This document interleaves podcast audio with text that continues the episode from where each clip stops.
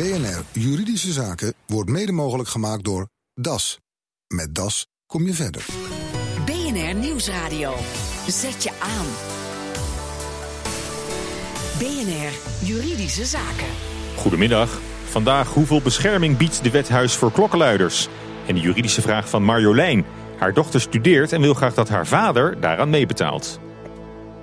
Ik zou wel heel graag willen weten of er nog een manier is dat we hem toch zijn verantwoording kunnen laten nakomen. Zodat mijn dochter gewoon haar studie zou kunnen afmaken. Paul Lasseur. Ja, de drempel om misstanden aan te kaarten wordt verlaagd. Per 1 juli geldt de wet Huis voor Klokkenluiders. En bij dat huis kunnen klokkenluiders terecht die binnen hun eigen organisatie geen gehoor vinden voor hun klacht. En de wet wil de meldmogelijkheden en de bescherming van werknemers verbeteren. Of dat ook echt gebeurt, ga ik straks bespreken met mijn juristenpanel. Maar eerst kort over die nieuwe wet, eh, collega Nelke van der Heijden. Komt er met die wet ook echt een fysiek huis eh, voor klokkenluiders? Muren en een eh, dakpannen? Ja, daar komt echt een instantie eh, bij. Daar kunnen klokkenluiders melding doen van een misstand als ze in hun eigen bedrijf daar geen gehoor voor hebben gevonden. En het huis voor de klokkenluiders dat kan dan ook adviseren en onderzoeken hoe de werknemer is behandeld.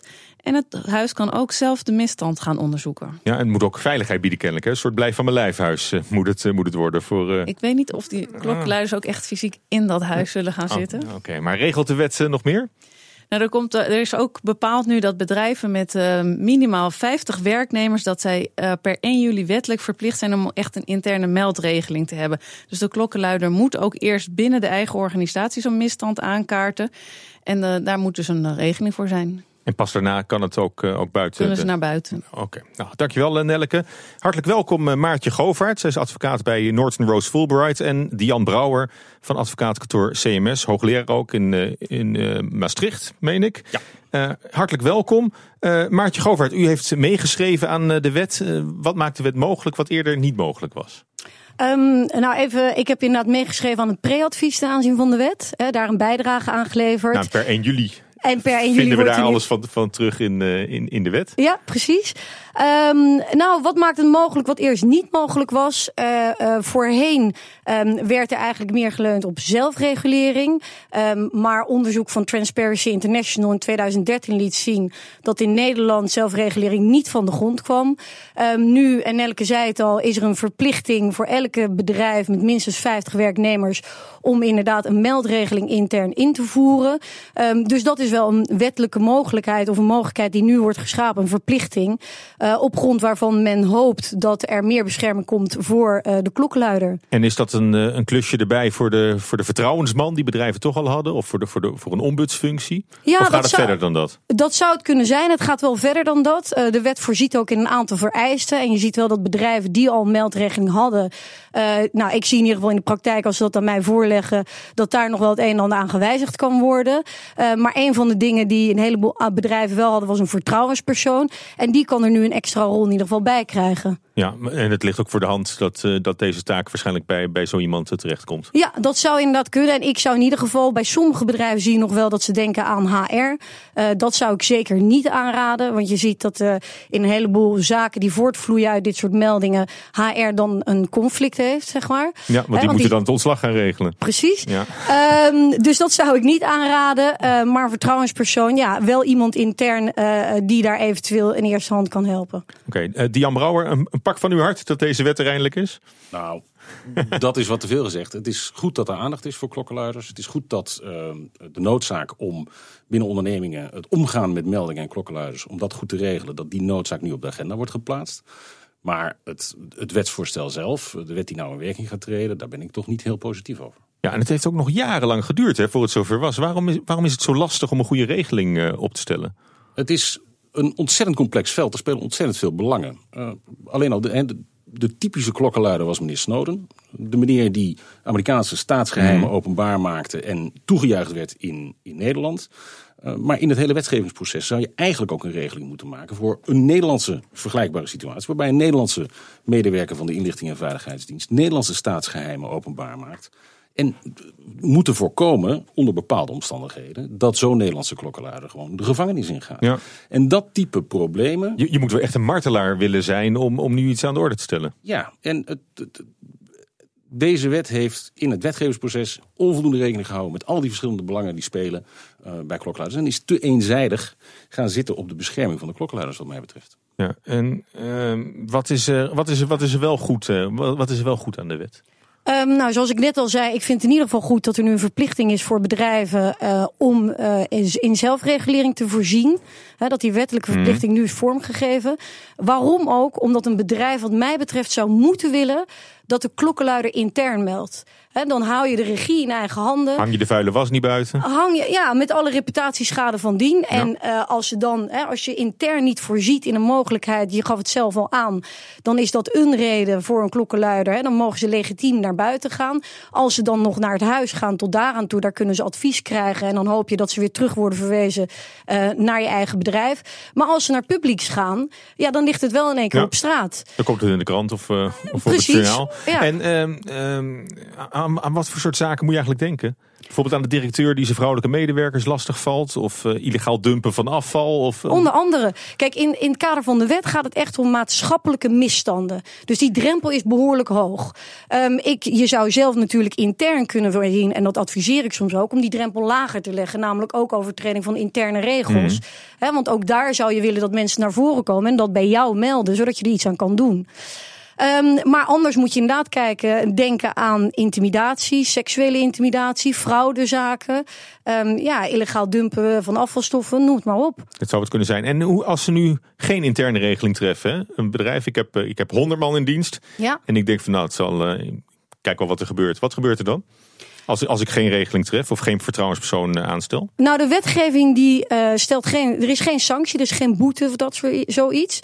Maar zoals ik net al zei, de wet voorziet er dan wel een dat op het moment dat de melder intern niet terecht kan, dan wel dat hij intern heeft gemeld en hij heeft het idee dat er niets wordt gedaan met zijn melding, dan is dat dus een reden om extern te mogen melden. Dat wil nog niet zeggen dat diegene direct naar de media mag stappen, uh, maar inderdaad, dan zou een reden kunnen zijn dat hij naar het huis kan gaan en het huis kan, er dan, kan dan beslissen om op basis van die melding te gaan onderzoeken. Ja, dus in, daar voorziet het huis heel, heel duidelijk in een, in een behoefte. Ja, uh, ja, dat zou kunnen. En, en ja, mijn stelling is: bedrijven zorgen er toch wel degelijk voor dat je de regie in eigen handen houdt. Dus dat je een regeling hebt die laagdrempelig is, zodat je melders uitnodigt om bij jou te melden. Ja, en Dian Brouwer is per 1 juli daarmee Nederland ook een soort klokkenluidersparadijs geworden? Nee, zeker niet. Nee, zeker niet. Uh, wat de wet niet oplost, is uh, de noodzakelijke cultuur. De wet geeft regels die een bedrijf moet, moet implementeren. Maar daarmee heb je nog niet een gezonde meldingscultuur. Uh, ondanks regels, met een slechte cultuur, wordt een klokkenluider toch koud gesteld en zal die toch uh, een, een, onaangename exit ervaren. Dus veel belangrijker dan al die regels is een juiste ondernemerscultuur. Een ondernemerscultuur die inhoudt dat de CEO of de bestuurder zegt en uitstraalt: de klokkenluider is mijn beste vriend. En dat is ook zo. Ja. Want de klokkenluider helpt je als bestuurder om inzicht te krijgen in wat er op de bodem van de werkvloer gebeurt, zodat je er wat aan kan doen. Ja.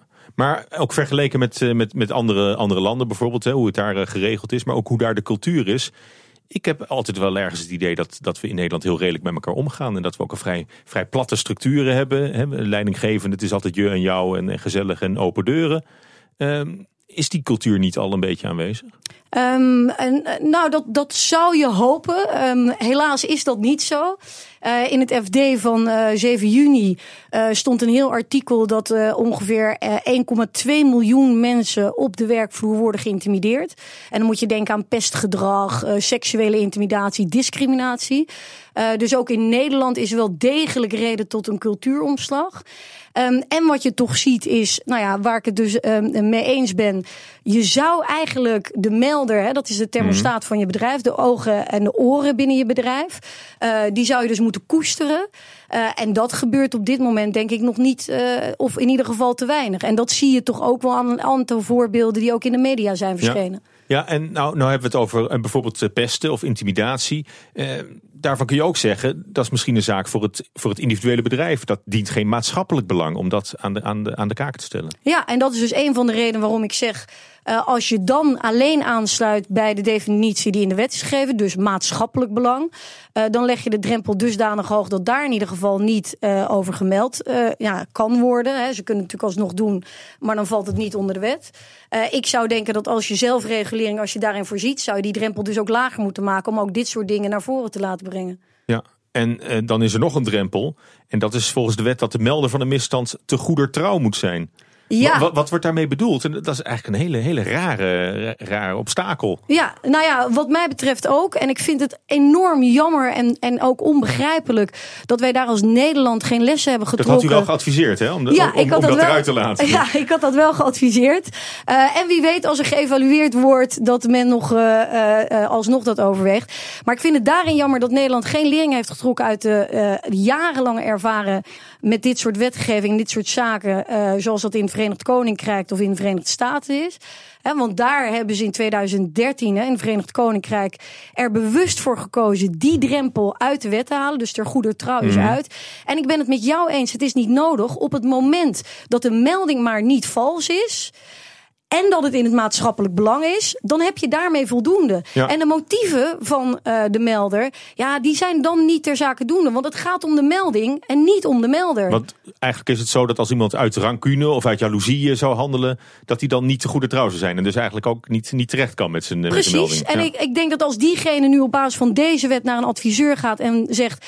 Zal ik gaan melden en zo ja, word ik dan beschermd? Dan moet die adviseur zeggen: ja, nou uh, nee, want je, bent, je hebt geen zuivere motieven. En dat is hoe het wordt zeg maar uitgelegd in de memorie van toelichting. Dat is heel erg lastig, ja. En Ja. datzelfde geldt, datzelfde geldt ook voor uh, melders die zelf betrokken zijn geweest bij het wangedrag. Ja, want hoe zit het daarmee? Hè? Spijt op tante, Ja. die, die, die zelf aan een misstand hebben meegewerkt. Eh, hè, leidinggevende binnen een bedrijf, maar niet het hoogste niveau. Maatschappelijk gezien zou je willen dat ook die mensen veilig kunnen melden. Zo Ik, ik veilig denk als kan. juist, dat Ja. is juist een groep die je wil, die je wil aanspreken. Eens. Precies. En die mensen weten het meest van de misstand. Die mensen wil je dus in elk geval niet uitsluiten van ja, toch een zekere, zekere bonus of een zekere credit eh, voor het zelf melden van misstanden waar ze zelf bij betrokken zijn geweest. Dat is een onontgonnen terrein. Dat ligt niet in deze wet besloten. En dat is een gemiste kans wat mij betreft. Ja.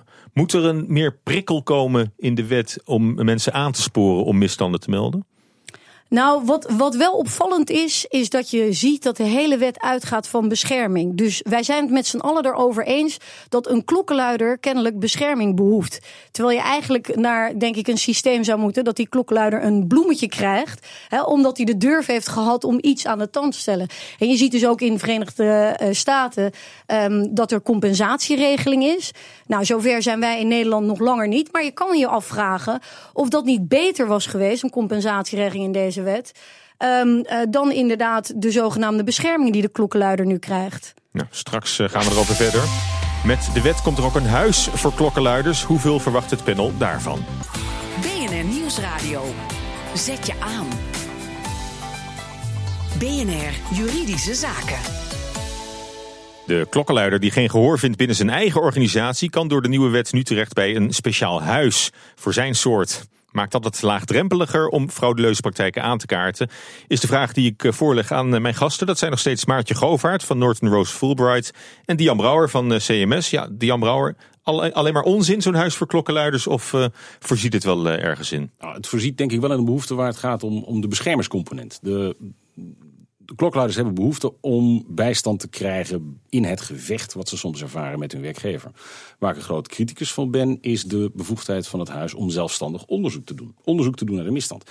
Normaal gesproken, al die misstanden zijn heel makkelijk te definiëren als strafbare feiten. We hebben vanuit eh, eh, de overheid allerlei handhavingsinstanties die daar beter toe toegerust zijn. En daar wordt nou eigenlijk een huis naast gezet wat dubbel werk zou moeten gaan doen. Ik vind dat heel vreemd. Ja, een dubbel, dubbelwerk binnen dat huis of dubbelwerk Nee. met het OM? dubbelwerk ten opzichte van de normale reguliere handhavingsautoriteiten. En het is heel vreemd als er een, in, bijvoorbeeld in de financiële wereld een misstand wordt gemeld waar zowel de AFM als het Huis voor Klokkenluiders op zou gaan springen. Dat zou ik uh, vinden. Ja, eigenlijk is het huis eh, een, een veredelde kliklijn, meer niet dan.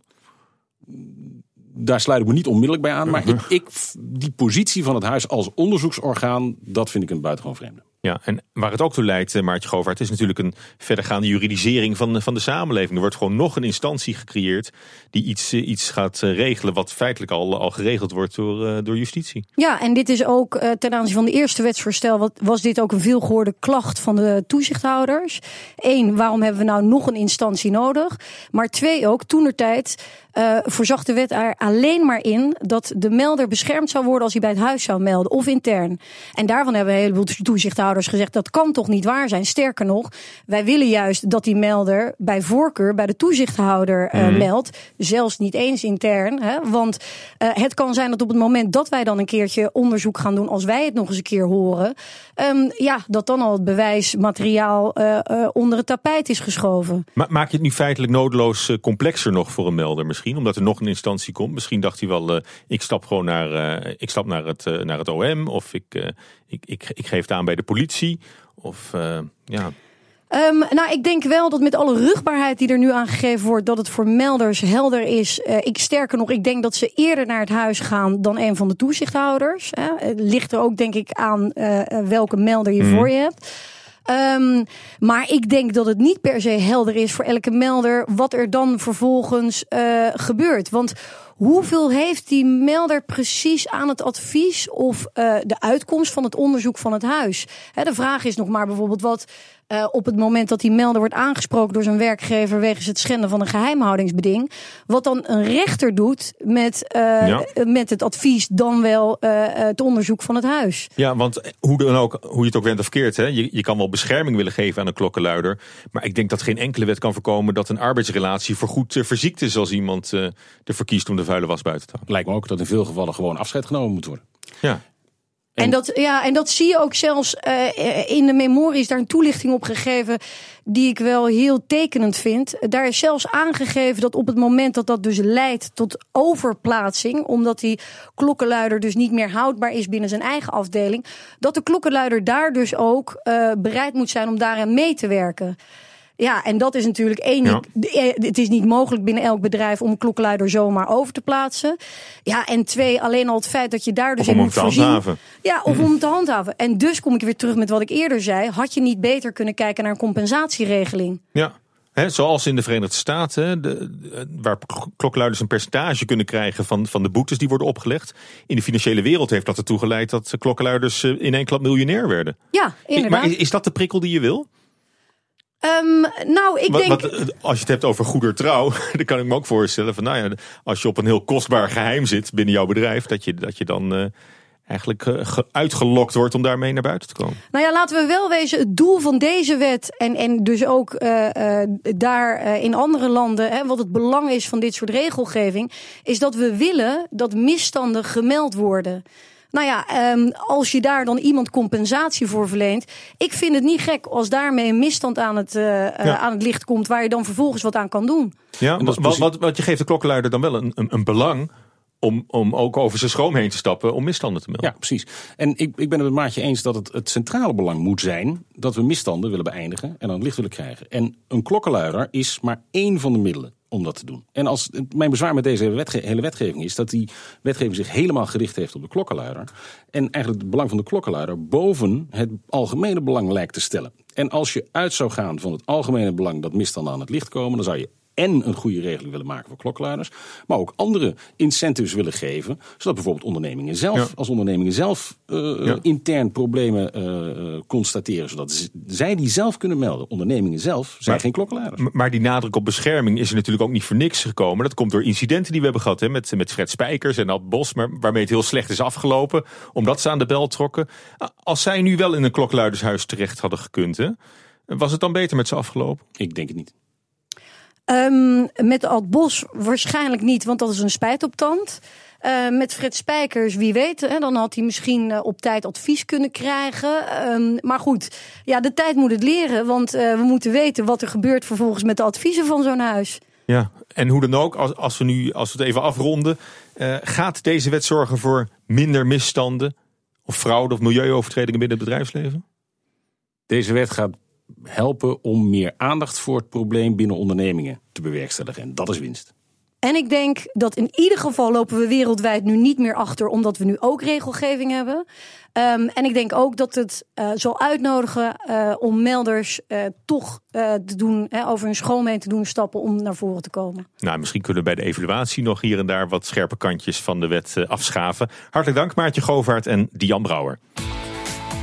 BNR Juridische Zaken. Verplicht is de vader niet meer om alimentatie te betalen, maar het zou zijn dochter wel heel erg helpen om haar studie af te maken. U hoort een verslag van Nelleker van der Heijden. Marjolein, een studerende dochter. En dat gaat hartstikke goed, dus je bent super trots. Maar er zijn wel wat financiële problemen. Ja, helaas is het zo dat uh, mijn dochter is 21 jaar geworden afgelopen jaar, einde vorig jaar. En er werd altijd alimentatie betaald door haar biologische vader. Dit heeft hij stopgezet per die uh, verjaardag.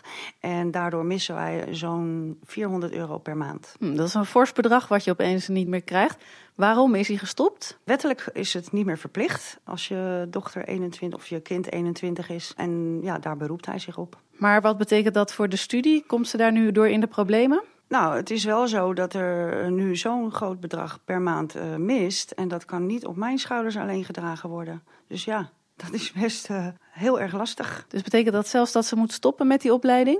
Uh, in het slechtste geval ja. Je zou inderdaad kunnen kijken voor een lening, want er zijn natuurlijk uh, opties. Maar in ons geval is het zo dat er geen lening wordt verstrekt, omdat vader te veel inkomen heeft. En uh, dan wordt er dus door Duo een, bijdrage, een ouderbijdrage vastgesteld. En die zou hij moeten betalen. Maar dat doet hij ook niet. Dus het is eigenlijk wat er op papier staat, wordt inhoudelijk niet nagekomen. En kan je ook niet afdwingen. En valt daar met de vader over te praten? Dat is heel jammer. Dat is een paar keer geprobeerd. En dat is eigenlijk op niets uitgelopen. En daardoor komen we toch echt wel in de problemen. Ja, want dat wordt dan volgend jaar niet meer inschrijven voor het nieuwe jaar? Nou ja, ik zou heel, wel heel graag willen weten of er nog een manier is dat we hem toch zijn verantwoording kunnen laten nakomen. Zodat mijn dochter gewoon haar studie zou kunnen afmaken.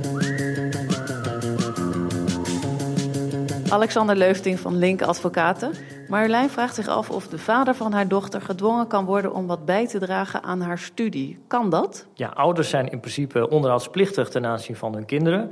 Tot 18 jaar is dat een kinderalimentatie. Van 18 jaar tot 21 jaar is dat studiekosten en levensonderhoud. En vanaf 21 jaar is dat alleen nog maar het geval als er sprake is van behoeftigheid. En zij vindt dus wel dat er sprake is van die behoeftigheid. Hoe zou ze dat uh, moeten aanpakken? Ja, vanaf 21 jaar uh, is er eigenlijk sprake van een eigen verantwoordelijkheid. Dat je zelf in die kosten van levensonderhoud uh, en studiekosten moet voorzien. Maar zij moet aantonen dat zij die lasten niet alleen kan dragen. Dat ze er alles aan doet om die kosten ook zelf te bestrijden. En als er dan inderdaad nog een minnetje overblijft? Dan zou zij contact kunnen zoeken met haar ouders om te zien hoe die kosten uh, ja, gedekt kunnen worden.